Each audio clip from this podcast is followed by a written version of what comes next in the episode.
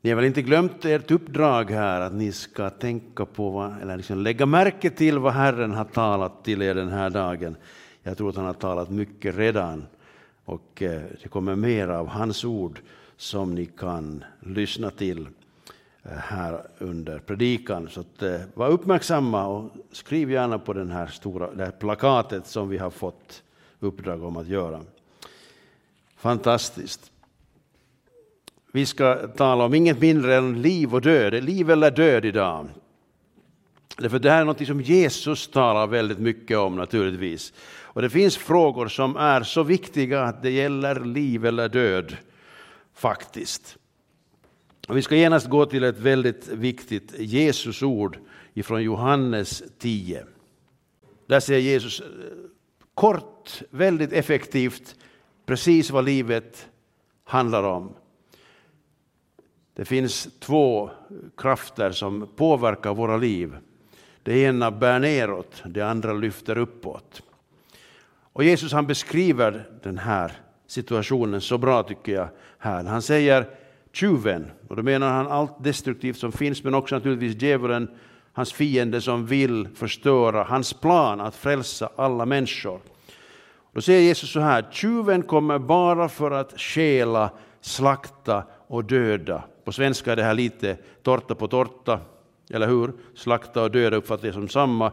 I finskan så tar det tappaman ja tuhoamaan, på engelska står det kill and destroy. För mig så öppnar det sig bättre på det sättet naturligtvis, för det är liksom en gradvis process som djävulen vill föra oss in i. Först skäl han bort tron, han skäl bort liksom den här glädjen i Gud, han skäl bort vår trygghet, kanske. Men hans ultimata eh, plan är att döda oss, föra oss bort från Gud och döda oss, faktiskt. Och så vill han ännu gå låta det längre att våra barn drabbas, vår omgivning drabbas av samma destruktiva, dödliga krafter. Det är vad tjuven är ute efter. Och det är många människor, vi har hört vittnesbörd idag, hur djävulen verkligen försöker förstöra människors liv. Men vi har också hört hur Jesus kommer in och vänder det mörka, det, det som är, går mot döden, till att ge liv. Och Jesus säger, jag har kommit för att ge liv, för att de ska ha liv och liv i överflöd. Och det här är ju en sån här krånglig liten översättning som lätt har missförståtts så här att jag, jaha, jag ska få leva ett liv i överflöd. Och då, då, tänker vi som förstår svenska, vi, vi liksom tänker så jaha, det är mycket grejer, många hus och bilar och båtar och vovvar och vad det nu finns. Eller hur? Visst är det lätt vi tänker så att liv i överflöd, det är liksom lyxliv. Så där enkelt läser folk Bibeln ibland. Men det står ju inte så faktiskt. Och vi vet på många andra ställen att Jesus är väldigt mån om att visa oss det här att Visst, vi kan överlåta alla våra bekymmer. Han ska ta hand om oss, han ska ge oss vad vi behöver. Men så ska vi också vara beredda att slita ont till och med. Det är inte det här överflödslivet i den betydelse som här betyds. Det finns en, en, eh, en översättning som heter eh, Svenska kärnbibeln och där står det eh, att de ska få ha liv och det i överflöd. Och eh, i den engelska versionen så står det ju faktiskt precis just så här. I, have, I came that they may have life and have it in abundance. Vad betyder det här då? Jesus, säger han, jag är vägen, sanningen och livet. Och det liv jag har, det ska ni, eh, vill jag ge åt er. Det ska ni få ha. Och det ska vara så mycket liv så att döden har ingen makt med det. Det destruktiva kan inte slita det bort ifrån mig, eller er bort ifrån mig. Därför livet, och liv i överflöd för mig i den här betydelsen, som kontrast till det här vad djävulen vill göra i våra liv, nämligen förstöra oss och hela vår, liksom, vårt sammanhang. Så vill Jesus välsigna oss med liv, inte bara för oss själva utan också för andra omkring oss. Att det här livet som han ger får liksom stänka omkring oss. Förstår ni? Livet i överflöd räcker till att också välsigna andra. Okej, det här är alltså det här är predikan. Tjuven kommer för att slakta, döda och förgöra. Jesus har kommit för att ge liv och det i överflöd. Har ni hört vad Jesus säger? Vad har Jesus sagt till dig idag? Jag har kommit för att du ska ha liv och det i överflöd. Okej? Okay? Skriv upp det. För liksom Fadern har liv i sig själv har, också, har, han också låtit Sonen ha liv i sig själv. Tänk på det. Den enda som har liv i sig själv, det är Gud. Och det livet finns i Jesus. Vi har fått vårt liv av Gud som har skapat oss och satt igång livet på jorden. Och det, bara, det bara myllrar av liv på jorden, eller hur? Varifrån kommer det? Vem är det som uppehåller livet? Ja, det är Gud. Och Jesus har det här gudalivet naturligtvis. Och han vill dela det med oss och säga kom till mig så jag får dela mitt liv med er. Det här livet som Gud har kan vi få in i vårt dödliga liv. Jesus kan ge liv. Han säger på ett annat ställe också att Fadern är glad över mig därför att jag ger mitt liv för att sen ta det tillbaka. Förstår nu riktigt hur det där går till. Men det fantastiska att Jesus lever. Han är livet och han ger det åt oss. Och det här alltså, mitt i den här världen som är mörk, som är full av död och våld och elände. In i den här världen kommer Jesus säga, jag ska ge er liv. Hör ni mig? Jag har liv som jag vill ge åt er in i er situation. In i ert liv. Så förklarar han det ytterligare i Johannes 6 så här. Det är anden som ger liv. Köttet, det vill säga kroppen, vår egen själ, hjälper nog inte så mycket till där. Nej. Och så säger han en viktig sak som vi har hört redan idag. Jesus säger så här, de ord som jag har talat till er är ande och liv. Och så anden ger liv, men de ord som jag säger till er, de är ande och liv. Det vill säga, där har vi livets liksom, källa. Kraften i vårt liv, vårt andliga liv, finns i hur mycket vi läser och lyssnar till Jesu ord och tar det till oss och tror på det och lever efter det. Därför är det så viktigt att vi läser Bibeln. Det är därför så viktigt att vi lyssnar. Vad säger Jesus egentligen? Vi har massa undervisning av Jesus och av hans lärjungar som lyssnade på honom och som fick Andens inspiration att skriva ner förklaringar också på en del som kanske inte Jesus hade nämnt, men som gäller samma sak. Hur ska vi få in det här livet i våra liv? Om vi inte tar in de här orden i livet, i våra, våra sinnen. Okej, okay. nu ska ni få se på en kartbild här. Den här kartbilden är alltså över östra Medelhavet och visar längst ner i höger har vi Jerusalem och så längst upp i eh, vad heter det, vänstra hörnet har vi Rom och de här fyrkantiga eh, lådorna här det är de brevplatserna eh, som, som det fanns liksom brev som Paulus skrev brev till. Församlingarna i de här olika platserna. Och eh, så finns det en massa andra städer som nämns på olika sätt också i, i Apostlagärningarna och i breven. Och idag så ska vi bege oss till Efesus. Efesus hittar ni Efesus på kartan, den finns där i västra nuvarande Turkiet, där i eh, östra delen av den, grekiska världen på den tiden. Ehm, och eh, Efesus var ju en stor och fin stad på den här tiden. Eh, den hade ett fantastiskt tempel, Artemis tempel. Det här är en rekonstruktion, men man har då sett beskrivningar om man har hittat en pelare och så har man rekonstruerat hela templet av det. Men det var stort, det var 137 meter långt, hade massor med pelare runt omkring, så det här är väl kanske nog en ganska riktig eh, beskrivning i alla fall. Det här var den stora grejen i Efesus. Och det var big business, många åkte dit för att eh, besöka det här templet då. Och besökte man inte templet så då, då gick man på teater De hade en stor teater som fortfarande finns kvar alltså i Efesus. Det här är en autentisk bild från Efesus idag. Och där är en, en sån här klassisk romersk teater med plats för 25 000. Det var ingen litet ställe. Man hade teater för 25 000 där man då hade vad man nu hade för, för skådespel och gladiatorspel och, och, så vidare bortåt. Och det var tydligen också en samlingsplats eh, för, för den här staden på andra sätt. När man hade någonting att säga så gick man dit för att då fick de sätta sig runt i ring. Eh, man hade också ett fantastiskt fint bibliotek där, det här kom lite senare än Paulus var där, men i alla fall det här bara beskriver hur den här staden var stor och betydelsefull. Den var, var liksom huvudstad i den här provinsen, den här regionen i det romerska riket. Och dit kommer då alltså Paulus och startar en församling tillsammans med Priscilla och Aquila. Då kom Apollos dit och det var, det var full fart. Han var där i tre år och undervisade dem först i synagogan och sen i Tyrannus hörsal.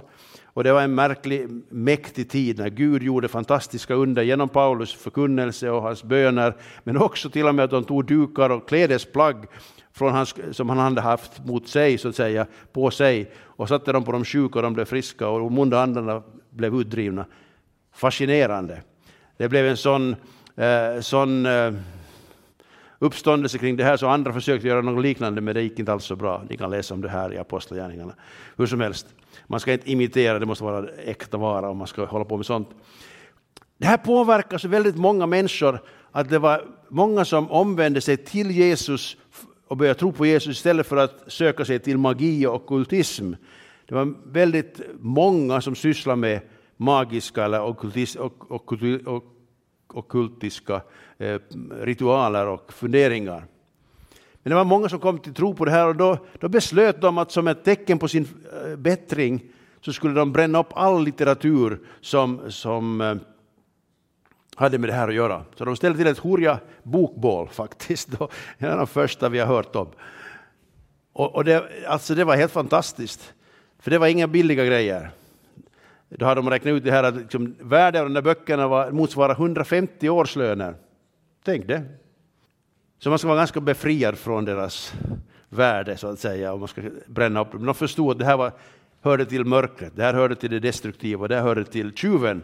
Vi vill inte ha med det att göra mer, vi bränner upp det.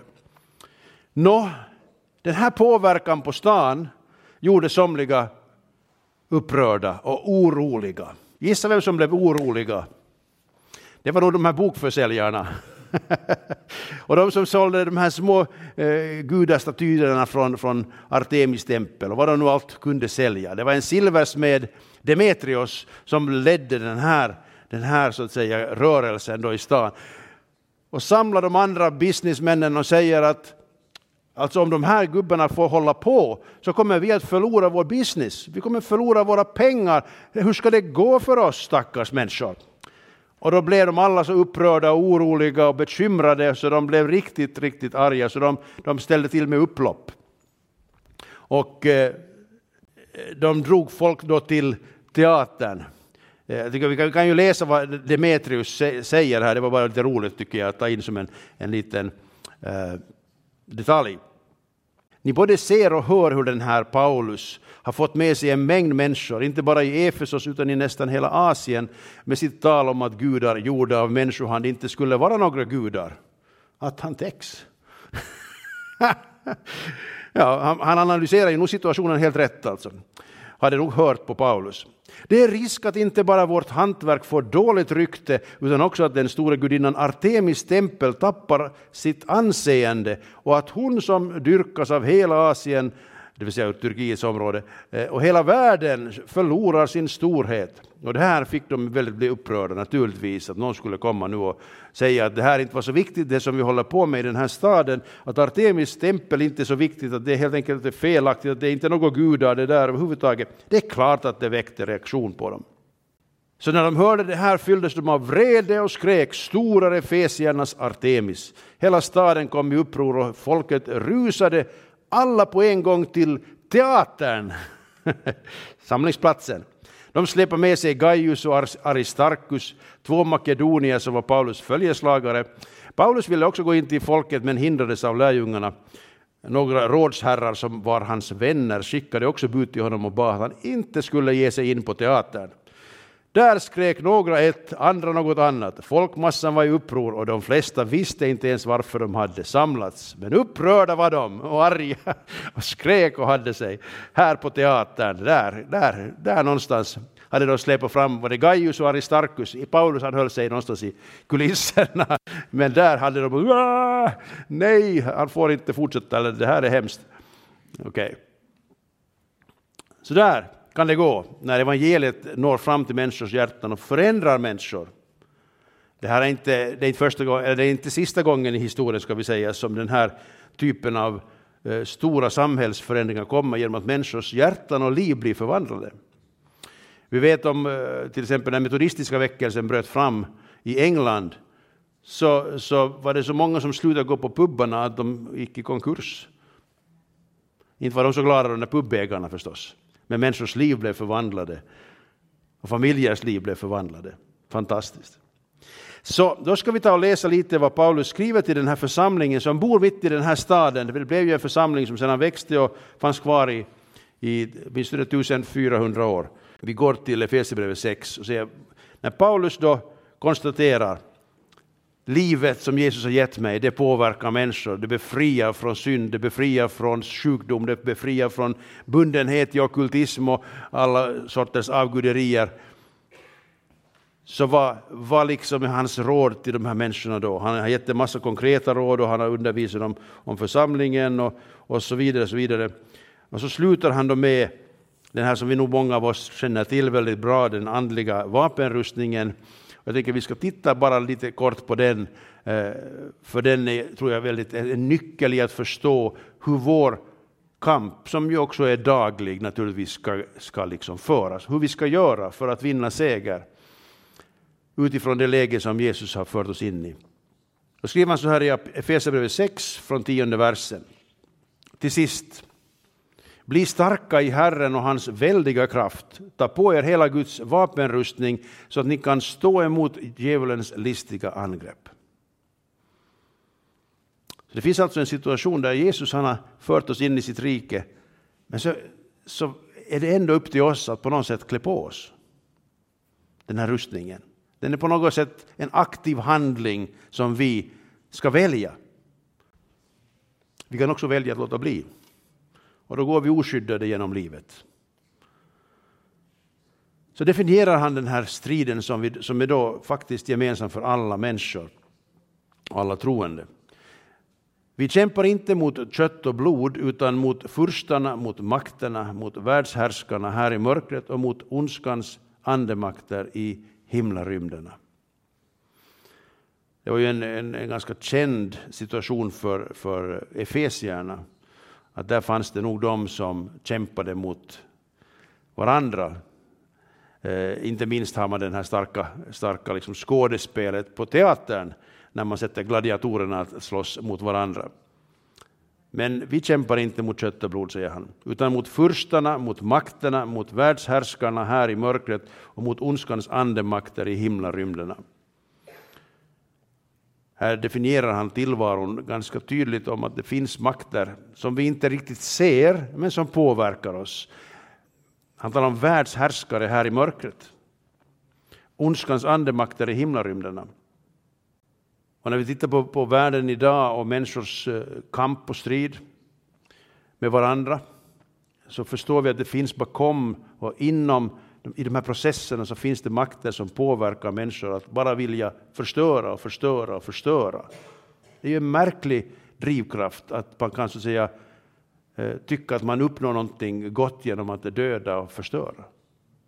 Jag menar, vi, vi, det är ju svårt att se på nyheterna utan att det finns allt från gängkrigen i Sverige till, till kriget i Ukraina plus otaliga andra liknande situationer där våld och död är liksom målet för en del. Och varifrån kommer de här tankarna, varifrån kommer de här idéerna? Jo, det kommer från tjuven som vill förstöra, som vill döda och, och stjäla. Och därför säger Paulus, ta därför på er hela Guds vapenrustning så att ni kan stå emot på den onda dagen och stå upprätt när ni har fullgjort allt. När det finns så många krafter som vill förstöra, när det finns så många eh, lögner som vi frestas att gå på eller tro på, så behöver vi verkligen ta på oss hela Guds vapenrustning. Det är det som är Paulus uppmaning här. Och han säger så här, och här får vi tag i lite, vad är det han egentligen pratar om? Vad innehåller den här försvarsplanen som vi ska då anta? Stå alltså fasta med sanningen som bälte runt höfterna och klädda i rättfärdighetens pansar. Bär som skor på era fötter den beredskap som fridens evangelium ger. sanningen, rättfärdigheten och fridens evangelium som ger någonting. Fantastiskt. Sanningen, Jesus säger jag är sanningen. Och sanningen är någonting som gör oss fria, säger Jesus. Men vad är sanning, frågar människan. Hur ska jag veta vad som är sanning? Alla säger att de har rätt, de har sanningen. Det är fantastiskt att Jesus, han på något sätt kallar oss ett liv, in till ett liv av sanning. Det bygger på sanning, därför att han är sanning. Och när vi liksom överlåter oss till sanningen så börjar saker hända i våra liv. Det är därför så väldigt viktigt att vi liksom både förstår det att Jesus som säger sanningen om våra liv, men också om hans frälsning, om förbundet i hans blod, om det nya livet i anden, också samtidigt kallar oss att leva därefter.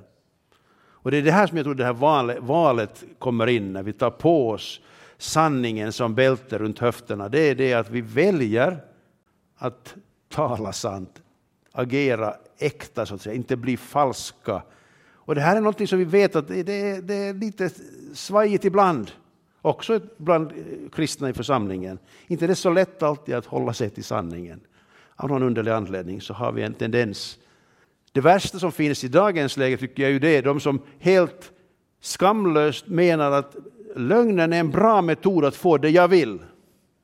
Så jag ljuger så mycket jag bara kan utan att någon avslöjar mig för att få det jag vill. Man använder det som metod. Jesus säger nej, det det ska ni inte göra. Ni ska lägga bort lögnen, säger Paulus också till, till någon församling. Tala sanning med varandra.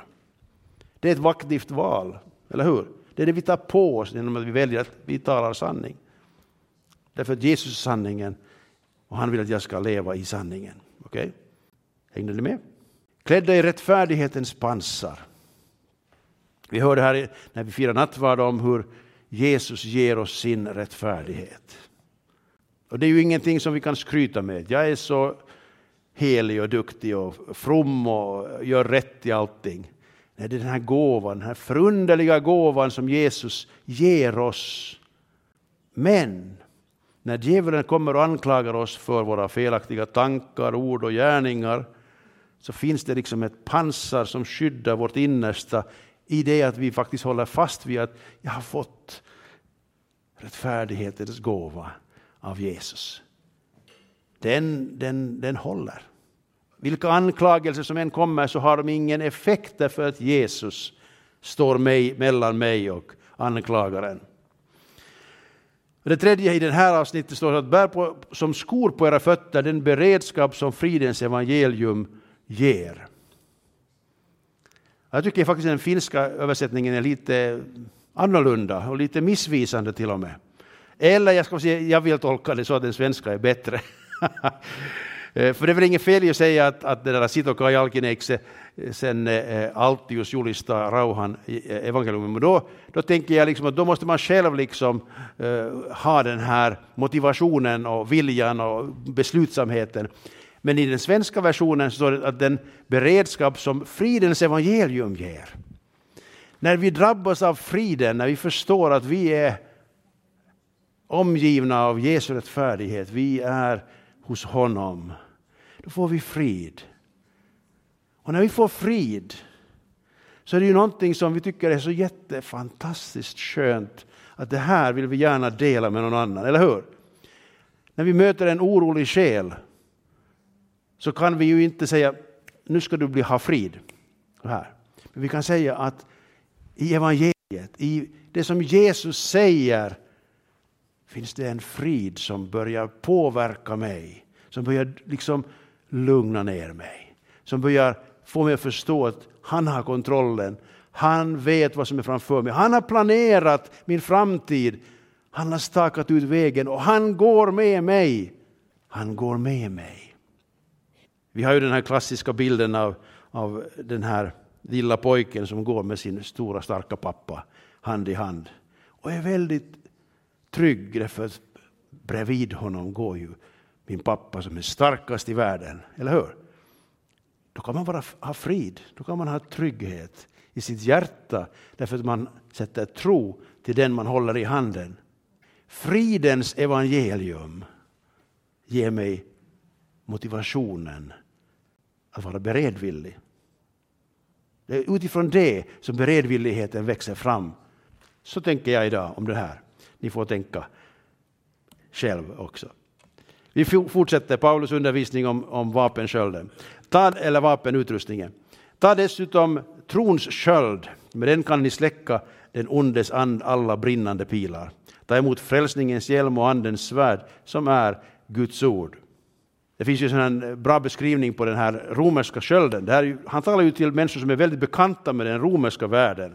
Och den romerska armén hade flera olika sköldar, men de hade en sån här stor som var som en mindre dörr. Och eh, när de böjde sig ner bakom den så, så var de helt enkelt helt skyddade. Jättebra, också när man är ensam. Men det ännu, ännu eh, finurliga var ju det att de hade utvecklat en teknik att de här soldaterna stod alltså bredvid varandra så här så det blev som en hel vägg av sköld. Och så satte de ovanför också så det inte ens kom uppifrån några pilar. Så de, de blev helt inneslutna av sköldar och skyddade dem. Jag tyckte det, bara, det slog mig bara att det här är ju en fantastisk bild på församlingen. Eller hur? När vi står sida vid sida med trons sköld, så vad än den här fienden skjuter för pilar, så säger man ponk, ponk, ponk, ponk, får de falla åt sidan. Kommer inte igenom och såra oss. Så jag tycker vi ska uppmuntra varandra till tro. För det blir som en sköld. Så när vi står tillsammans i den tron så skyddar vi inte bara oss själva utan också varandra. Fantastiskt bra bild. Frälsningens hjälm. Var är det som de där pilarna verkligen oftast helst vill komma in? Är det inte i våra tankar? Tankar som ifrågasätter det som Jesus säger. Tankar som ifrågasätter min egen, mitt eget beslut att följa Jesus. Tankar som säger att det blir inte någonting. Du är ingenting värd. Det kommer inte att gå. Det är pilar, det är pilar som, kommer, som man skjuter. Frälsningens hjälm. Fantastiskt. Det finns ett skydd också mot de tankarna. Och det kommer ju egentligen nog utifrån det att vi förstår någonting av vad frälsningen betyder. Att frälsningen faktiskt löser det här problemet som jag har. Att det befriar mig från den här, den här ansträngningen att försöka imponera på Gud, försöka bli det där som han vill att jag ska bli, men som vi inte kan bli i egen kraft utan endast i samarbete med honom. Att frälsningen är en process där jag går tillsammans med Jesus och växer allt eftersom jag förstår. Det är så fantastiskt trösterikt när man följer med i evangelierna hur Jesus och lärjungarna kommunicerar. Hur mycket de, hur ska jag säga, förstår och så går de på det och så märker de, nej det var ju inte så här Jesus menar. Vad menar du nu egentligen Jesus? Och jag tror att det här är något vi får uppleva själva att ibland tror vi att vi förstår men så kommer Jesus och hjälper oss att nej men jag har en sån här tanke här. Och så får vi växa i det här men det är den här fantastiska vägen vi går tillsammans med Jesus. Andens svärd som är Guds ord, det är väl ganska klart. Jesus själv använde det, eller hur? När djävulen kom och ansatte honom på, i, i, i öknen så svarar han med Guds ord. Han citerar Bibeln. Och jag tror att vi behöver bli bättre på det. Det slog mig faktiskt här eh, inför den här predikan att, eh, att eh, mina föräldrar eller den generationen och tidigare som var måna om att, att lära oss minnesverser. Så man tyckte det var jobbigt att måste komma ihåg något. Det kändes lite som skolans läxor det här. Ah. Men ju äldre man blir, desto mer börjar man förstå hur viktigt det är att de här orden faktiskt stannar i ens hjärna, att man kommer ihåg dem. Och det här att lära sig utan till vissa nyckelord är kanske inte alls så dumt. Kanske de hade rätt, de där tidigare generationerna som pränta i oss någonting av Guds ord. Och så avslutar han då med att säga, gör det här när ni aktivt alltså klär på er den här rustningen för att ni ska kunna strida mot andens eh, andemakterna och ah, mörkrets välde, ska göra det här under ständig bön och åkallan och be alltid i anden. Var därför vakna och håll ut i bön för alla de heliga. Det här är ju liksom 24-7. Jag menar, vi är här ett par timmar på söndagen. Men livet pågår 24-7. Och Jesus är nära 24-7. Och Jesus fortsätter att eh, liksom vandra med oss. Och han vill tala till oss. Och han vill att vi ska tala med honom naturligtvis. Så att det här med, med att vara i en ständig bön i anden är ju också en av nycklarna till att vi ska få leva det liv som Jesus har tänkt för oss. Går det? Inte går det att lära känna någon om man inte pratar med dem. Försök bara. Det går inte att lära känna någon annan om inte man pratar med dem och de får prata med en, man lyssnar och man talar. Nu är det ju där vi lär känna varandra, eller hur? När vi delar våra tankar och våra erfarenheter med varandra, då lär vi känna varandra. Och så är det i relationen till Jesus. Umgås med Jesus och du blir mer och mer lik Jesus. Ganska enkelt, egentligen. Men det finns, det finns en andemakt i världen som heter distraktion. Det här är bara min konstruktion, men ni förstår, det finns så mycket i vår värld som distraherar oss, som får våra tankar på annat, som uppfyller vårt sinne. Jag får bara se mig själv i spegeln. Visst är det väldigt mycket annat som under ett, ett dygn flödar in från alla möjliga håll. Och jag måste ta tid, jag måste ta mig en, en avskild tid för att tala med Herren och för att alls få en chans att lyssna till honom. Var tar du din tid? När tar du din tid att verkligen lyssna till Jesus och tala med honom? Gör det här under ständig bön och åkallan och be alltid i anden. Var vakna och håll ut i bön för alla de heliga. Det är Paulus uppmaning till oss idag. Jag tror det här är också en hälsning från Herren. Därför att Jesus säger att tjuven kommer för att stjäla, slakta och förgöra. Men jag har kommit för att de ska ha liv och liv i överflöd. Så om ni inte kommer ihåg någonting annat från den här predikan så kom ihåg det att Jesus har kommit för att du ska ha liv och det i överflöd. Ska vi tacka Herren för den här fantastiska förbund, för förbundets fantastiska resultat i våra liv. Vi ber. Tack Jesus för att du talar till oss idag, precis som du talar till lärjungarna för 2000 år sedan. Tack för det är samma liv och det är samma kamp om liv eller död, Herre, som vi, vi får gå nu här idag i våra liv. Jag tackar dig Jesus för att du har lovat liv och det är överflöd till oss. För det här livet, Herre, ger oss också en förmåga att stå emot djävulens alla listiga angrepp, Herre. Att vi kan återkomma till dig hela tiden, Herre, för att hämta ny kraft, för att få genom ordet och genom anden det liv vi behöver för att besegra dödens makter. Tack för att du har vunnit seger över döden. Tack för att din seger, Herre, är någonting som du ger också oss, gör oss delaktiga av, så att vi får vinna seger över alla dödens makter i tillvaron, Herre. Om det är inom oss eller runt om oss, Herre, i vårt personliga liv eller i vårt familjsliv eller i vårt samhälle, Herre, runt där vi jobbar eller där vi rör oss. Herre, jag ber att vi ska kunna vara budbärare, Herre, från ljusets rike, från livets furste, från den som har frid och glädje och befrielse att ge åt varje människa som kommer till dig. Herre, hjälp oss att kunna förmedla det, kunna leva i det själva och kunna förmedla det. Låt det liv som du har gett åt oss, Herre, flöda över så att det påverkar människor som ännu inte känner dig, så människor som ännu inte har fått tag på livet hos dig. Herre, jag ber att vi skulle få vara ambassadörer för ditt rike, Herre, här i Sibbo. Att människor skulle verkligen förstå att du, det är erbjudande om försoning, det står fast. Livets furste, vi ber att du skulle låta livet strömma genom oss till så många som det bara är möjligt. Och att människor i Sibbo ska verkligen få möta livet och leva livet hos dig. Välsigna var och en som har varit med ikväll eller idag, Herre. Jag ber att du ska låta den här sanningen om dig och sanningen om frälsningen och sanningen om oss tillsammans med dig verkligen få växa fram under kommande dagar. Tack för att vi får, Herre, gå vidare tillsammans med dig. Tack för att du går med oss. Amen.